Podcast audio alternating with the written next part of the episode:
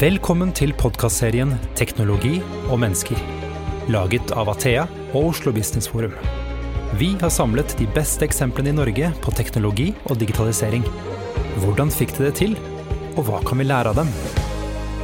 Da er vi endelig tilbake med en ny episode i podkasten 'Teknologi og mennesker'. Mitt navn er Christian Brostad. Kampen mot eh, koronaviruset skaper uvirkelige forhold for oss alle. Og vi har alle opplevd større endringer i livene våre nå enn noen gang. Eh, også for virksomhetene er det store endringer. Det er nye krav og brukerbehov, og vi har ikke tid lenger til å vente månedsvis eh, på tjenester som skal løse et problem som har dukket opp akkurat nå. Offentlig sektor eh, har virkelig fått føle på kroppen disse kravene og eh, behovene. Og hvis det er lov å si, så må jeg si at jeg er litt imponert over hva, hva eh, flere her har fått til. Og For å snakke om disse tingene så har vi med oss to fantastiske gjester. Vi har Hans Christian Holte, som er skattedirektøren vår. Og så har vi Jonas Slørdal Skjerpe, som er IT-direktør i Nav. Velkommen til dere.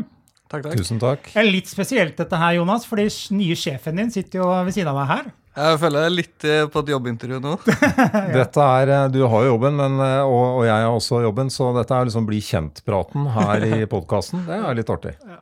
Det er godt podkasten kan brukes til det også, så det er vi jo fornøyd med. Jeg tenkte vi kanskje innledningsvis burde snakke litt om hvordan dere har det nå i koronatiden. Hans Christian, hvordan, hvordan går, hvordan er livet ditt nå?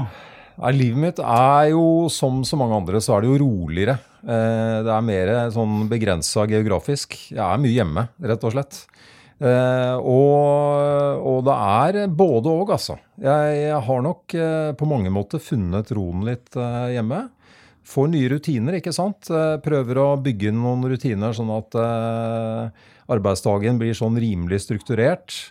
Uh, ja, jeg har også litt sånn uh, Kjenner litt på det med digitale møter. Der er jeg sånn passelig begeistra. det er noen fordeler, men det er også noen ulemper, syns jeg. Jeg merker jeg blir faktisk sliten av å sitte f.eks. åtte timer i strekk i, i videomøter, som jeg jo gjør mye. Leder mange videomøter. Det er sånn Responsen er ofte mye dårligere, f.eks. Jeg spør ja, er det noen innspill her. Det blir dørgende stille. Eh, det er en del sånne ting som man må venne seg litt til. Det er som Nytt på Nytt når de skal spille inn uten publikum. Det er en litt annen feeling eh, på dagen enn det ellers er. Alle er på hjemmekontor? Eh, det er sånn at Vi har hatt nesten alle på hjemmekontor. Altså er det noen som har kritiske oppgaver som må være på, på kontorene. Eh, og så begynner vi nå i disse dager egentlig å åpne opp, sånn at vi får tilbake en del. Vi åpner en del skattekontorer rundt omkring. Publikum kan booke timer. Eh, F.eks. de som skal ha en ID-kontroll, kan få den kontrollen. Så nå fra midten av mai så har vi åpna en del. Og da er det ganske eh, ålreit eh, å registrere. Jeg hadde et allmøte internt i etaten denne uka her. Uh, og da fikk vi vite at uh, folk syns det er ganske deilig da, å komme tilbake til kontoret. det fungerer ganske bra. Hvordan er det i Nava, Jonas? Ja, altså For min egen del så har jeg jo en gutt i barnehage og så en på barneskole. Så de siste, uk siste ukene har vært mye lettere da, å få, få hverdagen til å, å, gå opp, egentlig. Eh, men, men, det er jo samme situasjon hos oss. Det er 14 000-15 000 på hjemmekontor av 19 000. Eh, så de aller fleste er på hjemmekontor i løpet av en eh, vanlig dag. Eh, men så har vi også noen som jobber på Nav-kontoret. for at I Oslo for eksempel, så har jo Nav-kontorene vært åpne i hele perioden med ulike smitteverntiltak osv. Mm.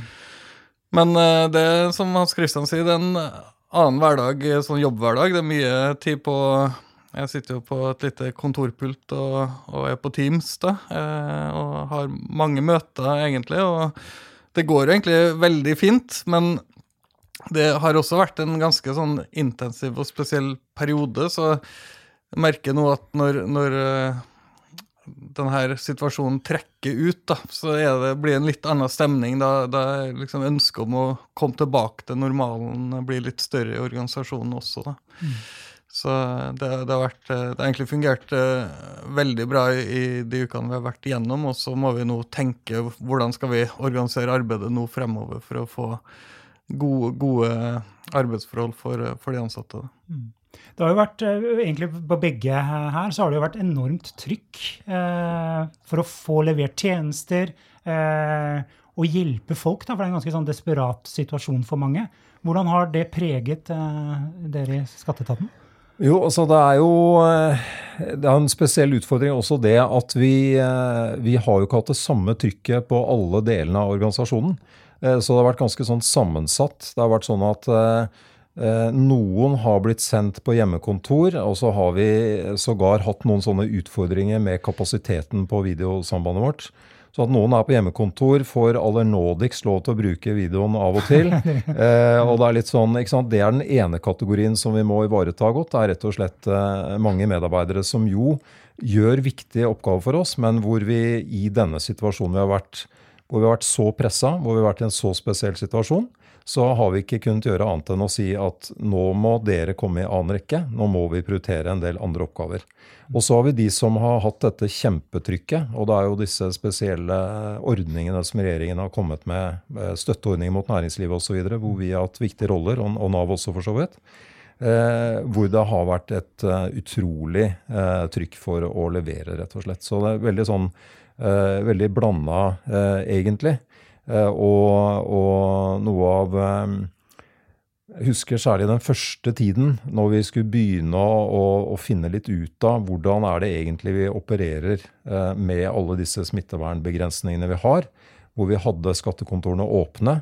Eh, det var en periode hvor jeg brukte mesteparten av tiden på å stenge, vaske, åpne Altså, det var ikke, ikke, vaske, ikke, vaskejobben, for så vidt, eh, men hvor det var på en måte beslutninger om ja, her har det vært en ansatt som, eh, som kanskje er syk. Eh, alle skal hjem, det skal vaskes, det skal åpnes igjen. Altså Hvor det ble veldig mye administrasjon, for vi forsøkte å holde åpent, men vi så at det ble veldig vanskelig. Og Da sendte vi de aller, aller fleste hjem. Mm.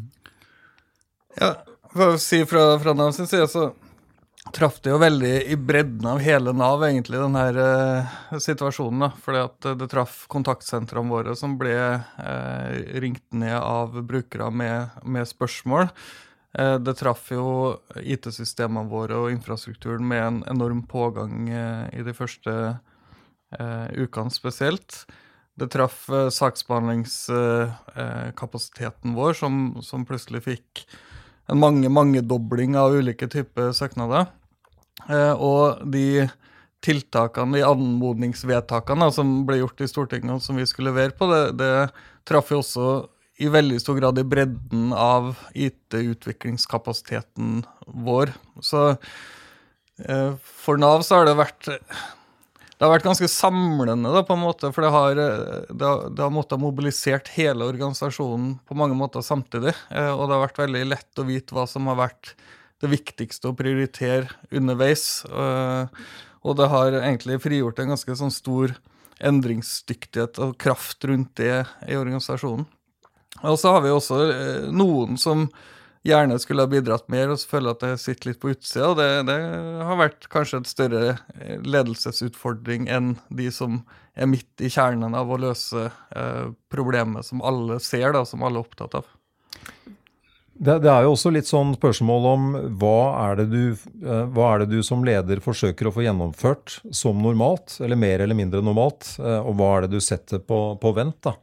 Eh, kanskje en av de par sånne store beslutninger for oss var eh, skattemeldinga. ikke sant? Skal vi sende den ut til folket? Skal vi, skal vi kjøre den årlige prosessen med at folk rapporterer inn, sjekker at alt stemmer med skattemeldinga, og, og, sender den inn igjen? Mm. Eh, eller skal vi gjøre noe der? Og den, eh, den, valgte vi da å gjennomføre, hvor vi hadde hundrevis av veiledere som satt rundt med Og det var jo på, i den perioden hvor eh, små barn var hjemme fra barnehagen, og, og, hvor det var mye lyder, tror jeg, i bakgrunnen. eh, når, når, men det må jeg si jeg er imponert over, hvordan eh, alle disse veilederne faktisk leverte i den tida. da. Eh, og hvor jeg tror vi kom godt ut av akkurat den perioden der. Men så var det en annen, annen, sak som eh, vi måtte skyve på. Det er at vi skal motta eh, over 1000 skatteoppkrevere fra kommunen. Altså en ganske sånn stor organisatorisk endring. Mm. Eh, hvor vi så at eh, vi ville jo rett og slett ikke være på kontorene til å kunne ta imot eh, de nye ansatte i etaten. Så der har vi skjøvet det til seinere i, i, høst. da. Men det var også en sånn viktig sånn ledelsesvurdering i disse intense ukene. Hva klarer vi å kjøre som normalt på disse sentrale oppgavene, eller må vi, må vi skyve på dem? Nå, liksom, litt sett utenfra, Jonas, liksom, det er litt forskjellige tall her. Du har kanskje riktig tall. Du, men rundt påsketider så var det jo over 430 000 som var ledige, delvis ledige eller permitterte. Det er jo sjukt mye. Unnskyld uttrykket, men det er, hva gjør det med dere som jobber der? For det trykket er jo enormt. Alle skal ha penga sine, eh, på en måte. Ja, og der går det jo ulike faser. Så den første fasa, fasen handler om å gi masse informasjon og, og jobbe for å, å, få på plass inntektssikringa til de folkene så raskt mulig. Og det, det, jobber vi jo også fortsatt med. Eh, men så er det jo mange av de som ikke når, når uh, situasjonen normaliserer seg i samfunnet nå, så er det ikke sånn at alle de kommer tilbake i jobb. Sant? Arbeidsledigheten kommer til å gå saktere ned enn den gikk opp. Mm. Og dermed så er det ganske stor bølge av mennesker som nå går inn i nye faser i det løpet. sant? Altså De skal begynne å orientere seg i arbeidsmarkedet, eh, få veiledning for å komme tilbake i jobb. Så, så, vi er på en måte bare i starten av denne eh, krisa på mange måter. da Vi har, vi har eh, jobba med den første responsen på, på, den hendelsen som inntraff. Men nå må vi på en måte forberede oss på en ganske langvarig prosess med å håndtere de nye fasene den, det volumet av mennesker eh, går inn i. da. Mm. Eh, og det, det, det, krever eh, også planlegging. da, Hvordan rigger vi oss nå fremover utover høsten. Mm. Hans Christian, Du var jo litt innom ledelse, for noe av det som er poenget med ledelse i krisetider, er jo nettopp eh, å evne til å prioritere som du sier. Er det mulig, eller har dere i Skatteetaten forestilt dere at det kunne komme en sånn pandemi og den situasjonen vi sto i, eller det, kommer dette litt overraskende på dere også? Altså det, det, er jo sånn når vi går og ser på, på planverket vårt, ser på det som har vært eh, eh luftet som scenarioer av, eh, av sikkerhetsmiljøet vårt osv., så, videre, så er det jo litt sånn som det er for Norge generelt, eh, tenker jeg. At eh, ja, da må vi jo faktisk innrømme at eh, pandemi det har vært, det har vært lufta som en sånn mulighet.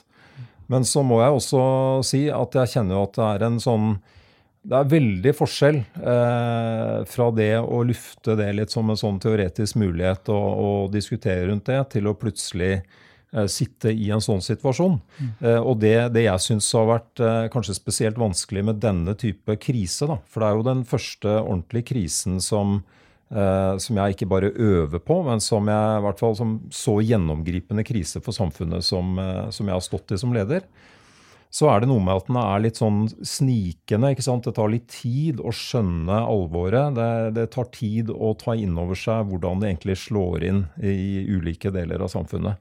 Så det, det syns jeg har vært eh, det vanskeligste, og som vi ikke eh, var liksom helt på plass med, med, starten. Det tok litt tid. Eh, og personlig så må jeg si at sånn jeg som, altså min lederoppgave, da, så, så føler jeg nok at jeg ble litt sånn utfordra av, av denne krisen. Eh, for det første så blir du litt sånn fjernere fra din nærmeste ledergruppe. og ikke sant? Du rett og slett blir sendt hjem. Eh, og så eh, er det det hvordan du håndterer disse mer operative løpende Jeg nevnte det med å stenge og åpne kontorer. Det er bare sånn ett eksempel på at det blir en annen oppmerksomhet. Du skal være opptatt av andre ting. Mer akutte ting da, enn det mer strategiske arbeidet kanskje som du gjør i en mer vanlig situasjon. Mm. Og det går jo gjetord eh, om eh, hvor flinke dere har vært, da, begge med eh, den kompensasjonsordningen eh, i skatt. Og så det dere har gjort for å få på plass alle IT-løsninger. Liksom, hva er det som har skjedd? Igjen, sett utenfra så kan man jo liksom forestille seg kanskje at eh, offentlig sektor er litt tregt osv. Det er jo sikkert en myte. Eh, men så har det liksom Alle snakker om hvor flinke dere har vært. Hva, hva er det dere har gjort for noe, Jonas? For det første tenker jeg vi har vært Altså, jeg har lyst til å si en ting, at vi, vi, vi har jo på mange måter ikke vært rigga for den, det som skjedde nå. Og eh, Sigrun har også gjort et poeng av at skattebetalerne vil nok heller ikke ha akseptert at Nav har vært rigga for en sånn situasjon. eh, fordi at det, det, er rimelig spesielt. Men, men vi har eh, håndtert det eh, likevel på mange måter vært godt forberedt på, på mange områder. Det ene er jo at vi har hatt mobilitetsløsning på plass og gjorde at 15 000 folk kunne flytte på hjemmekontor eh, over natta.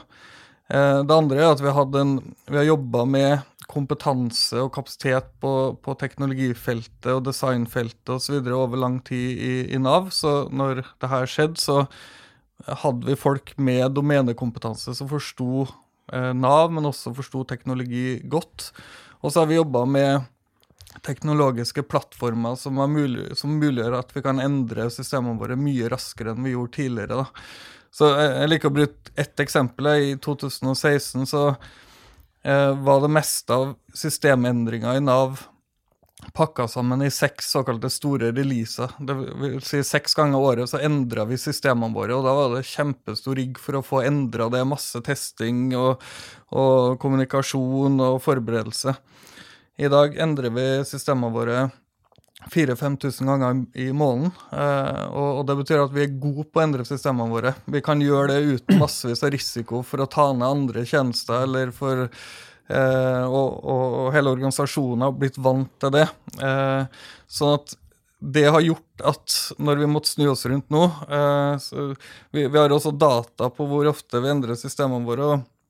Og, og det, det, antallet produksjonssettinger da, eh, som er en sånn metrikk, det, det økte med 50% i uka før 13. mars og etter 13. mars. Og det var jo fordi folk tok i bruk kvelder, helger osv., men, men den den takten lå jo i, i blodet da, til mm. organisasjonen når, når krisa inntraff. Og det tror jeg var viktig for å lykkes med de endringene. Ja. Ja, og jeg blir veldig glad eh, Nå blir du glad. Nå blir jeg glad, altså. Eh, når jeg hører eh, hva du sier, Jonas, om, om hvordan dere har eh, som jobba med altså egentlig snudd om på den eh, utviklingsmetodikken da, eh, og innfasingen og sant, løpende releaser osv. Det, det har jo jeg også sett i skatteetaten har vært viktig da, for å få en sånn fleksibilitet og en eh, ja, rett og slett en mye mer både effektivt og, og kvalitativt god eh, innføring av IT-løsninger i virksomheten. Mm. Eh, og, og, for meg så, har, eh, så er historiene om disse ukene her, eh, med disse løsningene og det vi har fått til, Eh, det er for det første historien om å stå på skuldrene til et stykke arbeid vi allerede har gjort. Eh, og så er det det å ta noen snarveier. Eh, og så er det ikke alle de snarveiene som jeg tror vi skal ta hver gang. Mm. Men, men, for det første så er det altså sånn at vi, vi har hatt et godt samarbeid med finansnæringa, som vi også lagde denne kompensasjonsordningen for næringslivet sammen med. Der har vi, som vi hadde etablert de kontaktene. Vi, vi kjente hverandre utrolig fordel, selvsagt. Eh, og så hadde vi også eh, hatt løsninger eh, i skatteetaten som vi hadde brukt lengre tid på å utvikle, som vi kunne gjenbruke når vi skulle ha denne kompensasjonsordningen. Så det gjorde at vi kunne gå mye mer sånn rett på eh, det målet. Og så så jeg også i de tre ukene hvor vi faktisk utvikla denne løsningen, la den fram, den virker, eh, så så jeg også at vi Eh, vi, som sagt, vi, vi, tok noen snarveier, og noen av de snarveiene tror jeg vi skal se på om vi ikke kan fortsette å, å ta. Eh, noe av det jeg så f.eks., var jo at eh, beslutningslinjene blei mye kortere. Altså det var mye tettere på mellom ledelse og et prosjekt. Og der tror jeg vi sparte en god del tid, sammenligna med hva vi ellers ville gjøre med forankring og opp i linja og ned i linja osv. Så, så det var kjempebra. Eh, og, så er det nok eh, et par ting som jeg ikke vil at vi skal gjøre om igjen hver eneste gang. Eh, det ene er jo at her fikk vi utvikla eh, den forskriften som regulerte denne ordningen samtidig med den tekniske løsningen. Mm. Det er som om du lager kravspekken til noe samtidig som du lager selve produktet. Så at det er en eh, Det gikk jo bra, men det er litt sånn krysse fingre og håpe. Men det gjorde jo faktisk det. Masse ekstra kommunikasjon for å få det til. Og så er det selvsagt også det at folk jobba knallhardt gjennom hele påska. Eh, så det er en rovdrift på medarbeidere også for å få noe, til, få noe til på så kort tid da, som vi gjorde nå. Så det er jo heller ikke noe vi skal legge oss til som en vane. da. Men, men, som sagt, det er i hvert fall noe av forklaringa på at det faktisk var mulig å få det til. Mm. Legg til en ting da, vi vi hadde jo en, eh, en forskuddsløsning som vi leverte på eh, tre dager. Eh, fra forskriften kom og til eh, første utbetaling var, var, gjort. Og det er klart, du, du, gjør ikke det uten å kunne ta noen snarveier. Eh, du kan ikke lage en, på en måte en fullstendig ytelse med alle etterlevelseskravene som vi gjør til vanlig på tre dager. Det, det, er ikke sånn at det vi bruker eh, to år til, det kunne vi gjort på tre dager eller noen uker. altså Rammebetingelsene må legge, legge til rette for at vi klarer å levere så raskt. da. Eh, men, men, jeg er veldig enig med at noen av de Altså, jeg, jeg, tror jo veldig på det tverrfaglige samarbeidet. Eh, det her handler ikke om IT-utvikling, det handler om tjenesteutvikling. Og, og da må eh, jurister og fagfolk og designere og utviklere sette seg sammen rundt samme bord og, og finne ut av hvordan denne løsninga skal virke. Da. Eh, og jeg tror også i en sånn eh, krisesituasjon så er også det samhandlinga med departementet eh, for å få liksom, de riktige eh, juridiske rammene rundt det veldig, veldig viktig. Da. Og alt det der må spille sammen for at du skal klare å levere så raskt som vi har gjort i den siste tida. da. Eh, så, men jeg, jeg, jeg, tenker at eh, det blir også tid ganske kjapt til å sette seg ned og tenke hva vi lærte, som du har, mm. sagt også. og det, det, blir veldig spennende. For jeg, jeg tenker det, det, er mye vi kan lære. og Det ligger jo en utrolig kraft i at hele organisasjonen har samme oppfatning av hva som er viktigst akkurat nå. Der ligger det mye kraft.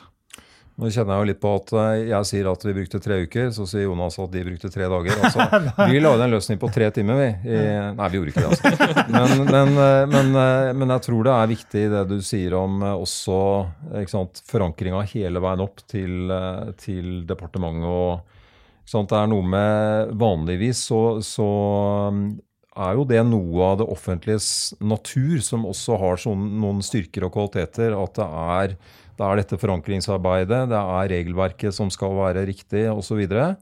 Eh, så det, jo, det, har jo vært eh, et halsbrekkende tempo eh, i denne situasjonen, nettopp fordi formålet har vært så ekstremt tydelig. Vi må få disse løsningene på plass for å kunne hjelpe næringslivet, permitterte osv. umiddelbart.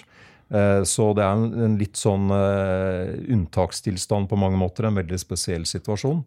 Men at vi kan la oss inspirere av det og eh, bruke noen av disse erfaringene, det, det tror jeg helt sikkert. også. Mm. Mm. Så hvis ikke dere da i Nav hadde gjort de eh, skiftene på, på IT-siden, eh, måte å tenke på, kultur osv. for noen år tilbake, da, så hadde ikke dette gått så bra? Nei, altså det, det var en reell fare for at systemet kollapsa første uka.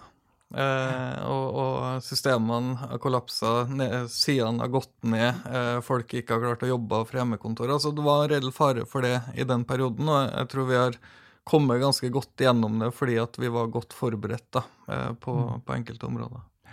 For, eh, sånn, eh, Av det jeg kjenner til eh, både offentlig og privat sektor, så er det, det dette er jo det mange vil ha. Vi har et fleksibelt et system som bygger ned siloer, hvor man samarbeider på tvers. Da. Så det er jo virkelig noe å lære. Eh, her. da.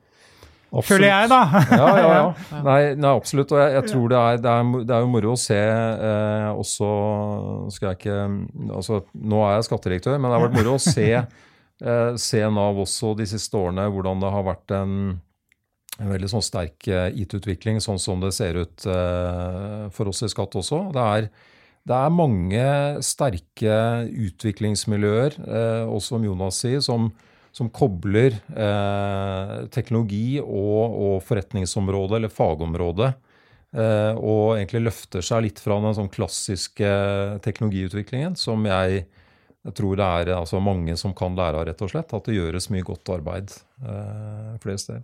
Mm. Nei, det er imponerende, altså. Et annet element også som har vært mye um, fordi det er mange virksomheter som enten måtte ha stenge pga. Uh, myndighetene har sagt at steng ned. Um, kundegrunnlaget blir borte, uh, cashflowen blir borte osv. Og så har det jo vært skreket overalt at ok, offentlig sektor, dere må holde hjulene i gang. Uh, ha, hvordan har det preget dere i, i skatt? Liksom? Dere, eller har det liksom ok, det er bare noe støy i, i mediebildet? Eller har dere tenkt eller reflektert over det, hvor viktig dere har vært da, for å holde, holde økonomien i gang? da? Altså det, er, det, er, jo i hvert fall sånn at uh, vi ser jo veldig tydelig at uh, vi har hatt muligheten til å, å drive virksomheten vår Eh, sånn at vi har vært på den måten i en annen situasjon enn en store deler av næringslivet. Så, så, jeg har tenkt at noe av det viktige for oss har i hvert fall vært å forsøke å gjøre, som jeg var innom i stad også, mest mulig etter normalen. da, ikke sant? Mest mulig at vi ikke, ikke lar oss vippe helt av pinnen og, og legger oss i stabilt sideleie. Men at vi vi tenker at nå skal vi gjøre mest mulig eh, sånn som forutsatt. Vi har hatt noen mål, noen planer begynnelsen året, ved begynnelsen av dette året for hva vi skal gjøre i år. Vi skal gjøre mest mulig av, av det. Sånn at eh, vi jeg tenker det er i hvert fall eh, det, er, eh, det vi kan gjøre, rett og slett, i denne situasjonen. Mm.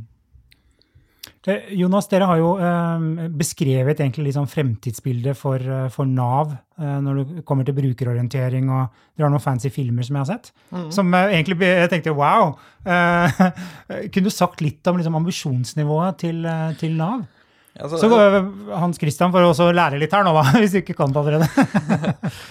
Nei, altså vi, vi satte oss ned for noe, et par år siden var og, og tenkte Eh, hvordan kunne et møte med Nav være i 2035? Mm. Eh, for det, det, er jo lett å, å, se seg litt blind på de rammebetingelsene man har eh, på et gitt tidspunkt, og, og, da ikke på en måte utfordre nok de, de tjenestene man leverer. da. Eh, og da var jo en del av den visjonen at, at de ytelsene vi gir, de, de, i større grad kan komme eh, som et, eh, en slags automatisk inntektssikring som en del av de livshendelsene som, som møter en person i løpet av livet sitt. Altså det, vi, vi, fanger opp mange livshendelser i, i um, livet til brukere, personbrukere i, i Norge. Eh, og noen av de er det kanskje også naturlig å agere på og, og tilrettelegge for at uh, inntektssikringa kommer mer automatisk. Uh, og da er det jo Hva skal vi bruke på en måte den, den, menneskelige innsatsen til, da, når en del av det som er enkelt å programmere, kan programmeres. og det handler om å i større grad hjelpe folk som har behov for Eh, kan si personlig oppfølging. Eh, som, altså, vi har jo automatisk inntektssikring. Man kan tenke seg smarte løsninger som hjelper folk å f.eks. finne eh, den kvalifiseringstiltaket de trenger, eller den jobben de er ute etter. Men så trenger vi også helt sikkert de dyktige veilederne i, i Nav som kan hjelpe de sårbare gruppene, de som eh, trenger ekstra hjelp, ekstra eh, drahjelp for å komme inn i arbeidsmarkedet. Eh, og så den kombinasjonen da, av automatiserte prosesser eh, som er gjerne trigga av, av, hendelser, eh, det å ha, samle inn data og lage smarte løsninger for å hjelpe folk til å finne frem selv i arbeidsmarkedet, f.eks., og det å ha gode eh, si, profesjonelle tjenester for å, å, å, hjelpe folk å komme tilbake i jobb, den, den kombinasjonen er, er spennende. Mm. Eh, og ja, og det, det, der ligger det litt i et sånt konsept vi har kalt 'livet er en strøm av hendelser'. da, eh, Hvordan vi skal eh, spille en rolle i de hendelsene som eh, Vi har jo en, vi spiller jo en rolle i, i, nesten i mange, mange situasjoner i livet til norske borgere. Så å sette det i litt mer system. Mm. Er dette som musikk i ørene dine? Hans Christian? Ja, dette er, dette er veldig bra. ja. Det syns jeg. Og det, og det, er jo, det er jo også ganske sånn parallell tenkning til hvordan vi også jobber i skatteetaten. Eh, det er jo det å på en måte komme bort fra en sånn litt sånn klassisk eh, offentlig rolle med rapporteringskrav og informasjon inn som skal kontrolleres osv. Det tror jeg det er det flere deler av det offentlige som jobber med. Og det har vi også jobba ganske mye med i skatt. Sånn at eh, skatt prosessene blir mer en sånn løpende del av når man har økonomiske eh, forhold som endrer seg eh, i livet, så, så, vil også det skattemessige mer sånn umiddelbart eh, endre seg. Så vi, vi, nok, vi, tenker nok også når vi tenker fram, så tenker vi eh, mot en, en, situasjon hvor du ikke skal eh, ha denne skattemeldingen, og at det liksom er sånn årlig syklus så tror jeg nok veldig mange nordmenn syns det har blitt mye enklere eh, de siste mm. åra. Eh, siden eh, Dere ser jo så unge ut, men siden jeg var ung, i hvert fall, så har det skjedd det eh, Ja, ta det til dere. Men, i hvert fall, ikke sant, eh, det der med å fylle ut i to eksemplarer og kladde først og på ære samvittighet og, og sitte og vente på at eh, skatteetaten skulle kontrollere. Vi er jo allerede et godt stykke bort derfra. Mm. Eh, sånn at, men jeg tror det er som, som Jonas sier også, det er noe med og tenke at eh, det er det er som en del av det livet folk lever, at uh, det offentlige skal være litt mer sånn litt mer umerkelig til stede på et vis. da, Mer sånn løpende. Mm. det er også den visjonen som vi jobber etter i Skatteetaten. Vi har også jobba med kan man si, hva bør vi endre oss på eh, framover. Og noe av det er også fortsatt forenklingsarbeid. Vi har gjort mye for de personlige skattyterne. Mm. Men for næringslivet er det mye igjen. Så der eh, vil det nok fortsatt gå en to-tre år før vi får eh, kanskje de helt enkle løsningene på plass. Eh, men det, der, der, skal vi også kunne gjøre ting mye, mye enklere. Og akkurat som Nav, som har på en måte både det å gi tjenester og, og, og støtte, eh, men også hjelpe folk ut i arbeid, så er det klart skatteetaten er det å sørge for eh, enkel eh, tilgang for, for, oss som skattytere flest, men også forfølge de sakene hvor det er behov for å gjøre kontroller og kanskje ha sanksjoner osv. Så, videre. så det er, det er sånn sammensatt, den jobben som, som også vi gjør i etaten. Mm. Eh, samarbeid tror jeg du nevnte Hans Christian, tidligere, at dere har, vært, eh, har et tett samarbeid med Finans Norge og litt sånn. Eh, hvor viktig er det for å få realisert prosjektene eller initiativene. da. Og er det vanlig er det liksom i offentlig sektor at man er flink til å samarbeide med andre aktører? Stadig vanligere, tror jeg vi kan mm. si. Sånn at jeg igjen altså det Når vi tenker framover, tenker noen år framover, hvordan skal vi utvikle oss? Så er det umulig å tenke en sånn utvikling uten et veldig sånn tett samarbeid.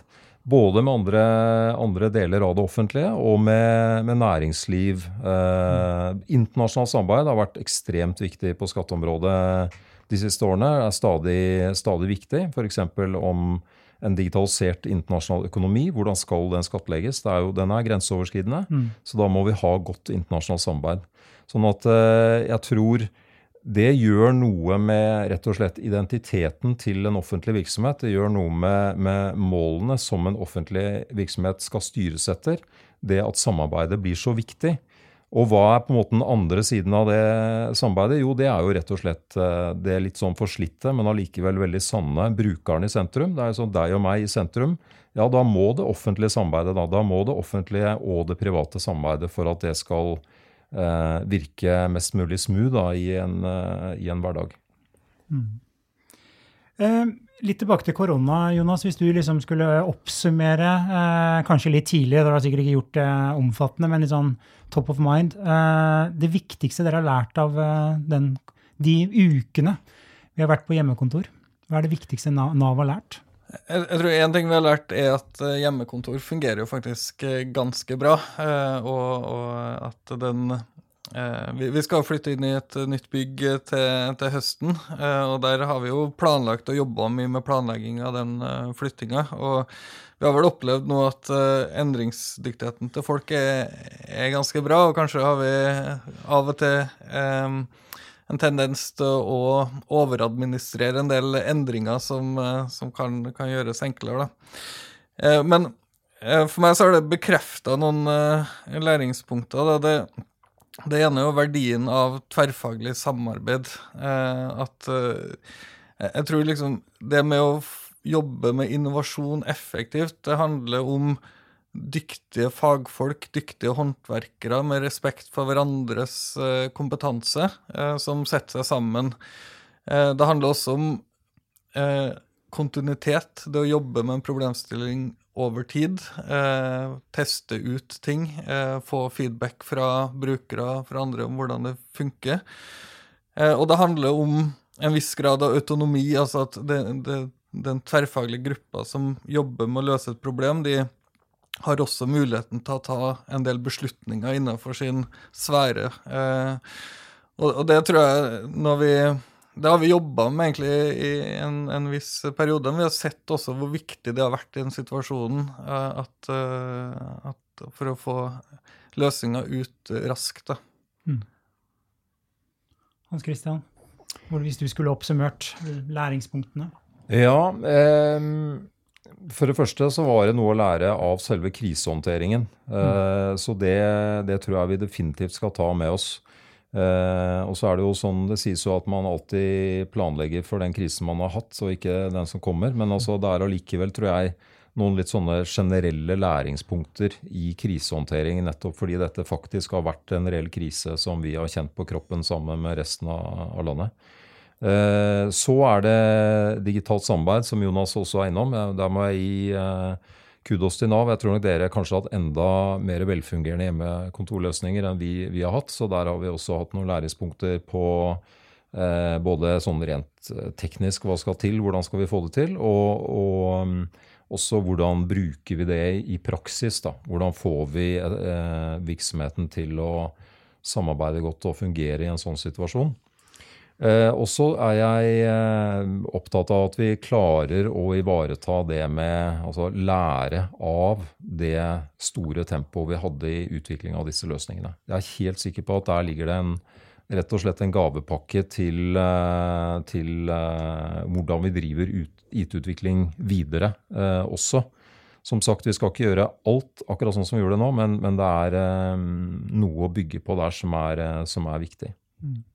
Hvordan føler du på dine evner til å drive ledelse under sånne ekstreme forhold? da? Fjernledelse er jo ikke enkelt. Nei, altså sånn, det, det, blir jo mer fjernt. Eh, så, så du, du, spiller jo på et smalere register, eh, mm. rett og slett. Og det er jo helt sånne banale ting som at du treffer ikke folk. Du, du hilser ikke på dem. Du, altså det er eh, Jeg har bl.a. som et eksempel hatt stor glede av å ha allmøter for alle i hele skatteetaten. Uh, hvor jeg har uh, publikum i et auditorium, og det er folk som sitter og følger med på, på skjerm og sånn. og det har vi liksom funnet digitale erstatninger for, som ikke er fullgode. Da. Så der, alt blir liksom litt, litt sånn. Mm. Jeg hadde nylig et møte med, med, andre sentrale ledere i det offentlige som diskuterte en del vanskelige saker. Jeg merket at det møtet syns ikke jeg fungerte like godt som, som vi vanligvis får til. Så det er, det er noen sånne Eh, man, vi kan sikkert lære oss eh, å jobbe bedre også i, eh, i et sånt digitalt samarbeid. Men jeg tror også vi skal erkjenne at det er noe vi mister, også sånn som situasjonen er akkurat nå. Mm. Jonas, du fortalte før vi gikk på her at du har jo en intern podkast. Er det ja. noe som har kommet nå, korona, eller er det Nei, det, den var faktisk eh, starta i fjor høst, og, og, det var en ting som ble satt på pause i koronasituasjonen, okay, faktisk. Ja. Men man har jo økt frekvensen ganske kraftig på kommunikasjonen med min avdeling likevel. Mm. Eh, og så, så jeg hadde to-tre meldinger hver dag i første tida, og har nå eh, nesten hver dag, da.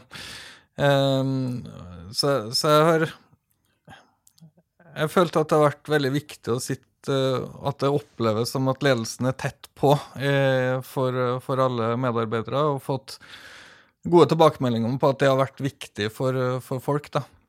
Så jeg synes det har vært altså, Det er noen ting som blir vanskelig, vanskeligere, noen ting blir lettere. Men en ting som blir lettere, er jo å være tydelig til stede med et klart budskap. Eh, fordi at eh, prioriteringa og, og, hva som er viktigst, det, det er ganske tydelig for, eh, for, for, meg som leder, og for, mm. for alle medarbeiderne. Eh, så jeg syns det har vært en, en, veldig spennende tid som, eh, som, leder, rett og slett. Mm. Har dere hatt sånn kaffemøter på Teams eller Zoom og sånn også, eller er det med, med folka deres, eller er det veldig sånn på fag? Nei, vi, vi, har, vi har, litt sånne Altså, jeg merker at eh, Eh, folk har begynt å logge seg på ledermøter og sånn. Det er gjerne sånn ti minutter før, så de kan slarve litt uh, før uh, møtet. Det har faktisk vært ganske ok. Mm. Så da har vi hatt litt sånn uformelle praten. Så vi finner jo løsninger for å, for å holde litt kontakt sosialt òg. Mm. Jeg syns det var mange sånne spennende, artige initiativ så kom de første dagene. Eh, det ble laga en sånn eh, anti, antiviruskanal på, på kommunikasjonsverktøyet vårt. Eh, og Første dagen så var folk delt hjemmekontoret sitt, andre dagen hva hadde de til lunsj, eh, tredje dagen eh, var, var, ulike ting. da, eh, Som skapte et veldig fint samhold. Og så var noen ildsjeler som eh, kjørte rundt eh, PC-skjermer til, til, folk som ikke hadde bil.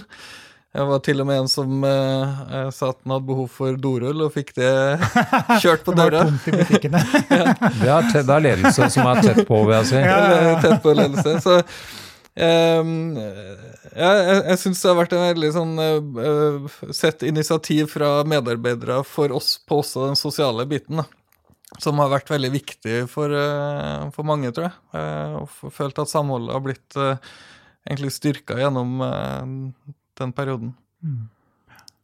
Ja, Det er utrolig hva man får til når man sitter i det. altså.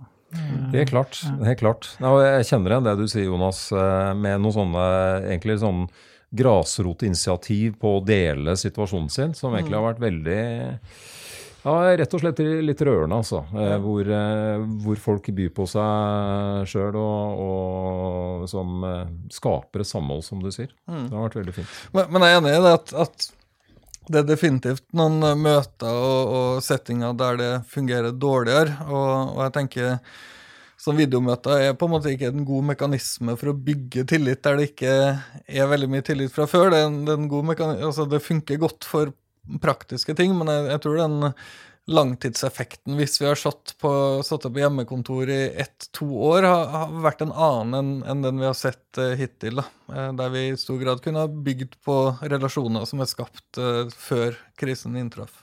Mm. Hans Christian og Jonas, eh, tida går. Nå skal vi over på vår faste spalte. Digitale vaner. Bli kjent med gjestene ved å snoke deres digitale liv. Hva gjør de egentlig på nettet? Hvilke favorittapper har de? Er det streaming eller linær-TV som gjelder? TikTok eller Snapchat? Vi spør i Teknologi og mennesker. Da skal vi snoke litt i deres private digitale liv. Eh, dette er høydepunktet, nesten. Eh, så det som skjer nå, er at jeg gir dere to alternativer, og så skal dere velge ett av disse alternativene. Og så er det ikke lov å velge begge, eh, så man må velge ett, altså. Og ikke komme på noe sjøl. Det er ikke lov. Ok? okay. Skal vi starte med deg, Hans Christian? Yep. Eh, Instagram eller TikTok? Instagram. Instagram. Er du på TikTok? Jeg, jeg, eh, har flere i familien som er der. det. det. holder for meg, det. Jeg får litt sånn eh, fringe benefits av barna mine, som eh, viser meg en del høydepunkter. Men okay. uh, jeg har ikke følt meg kallet ennå. Nei, kanskje det kommer. Det vokser jo. Det er en kanal som vokser. Du og Jonas? Instagram også. Men jeg har også en sønn som er på, følger mye med på TikTok. Ja. Emoji eller tekst? Tekst. tekst. Men du hiver på en emoji? Jeg gjør det, altså. Jeg gjør det. Jeg, altså, jeg merka at jeg var veldig skeptisk til det i begynnelsen. Jeg var eh, sånn purist på tekst eh, en stund, eh, men det er, det er lenge siden. Ja. Så det der med å, å liksom fargelegge et budskap med noen emojis, det, det har jeg vent meg til. Mm. Og nå forstår du hva alle emojiene, emojiene betyr? På ingen måte. Nei. Og det hemmelige kodespråket, der driter jeg meg sikkert ut uh, hvis, uh, hvis, det ligger ting i det jeg bruker. Så, men nei, det går ganske basic sånne ting der. Ja. Du da, Jonas?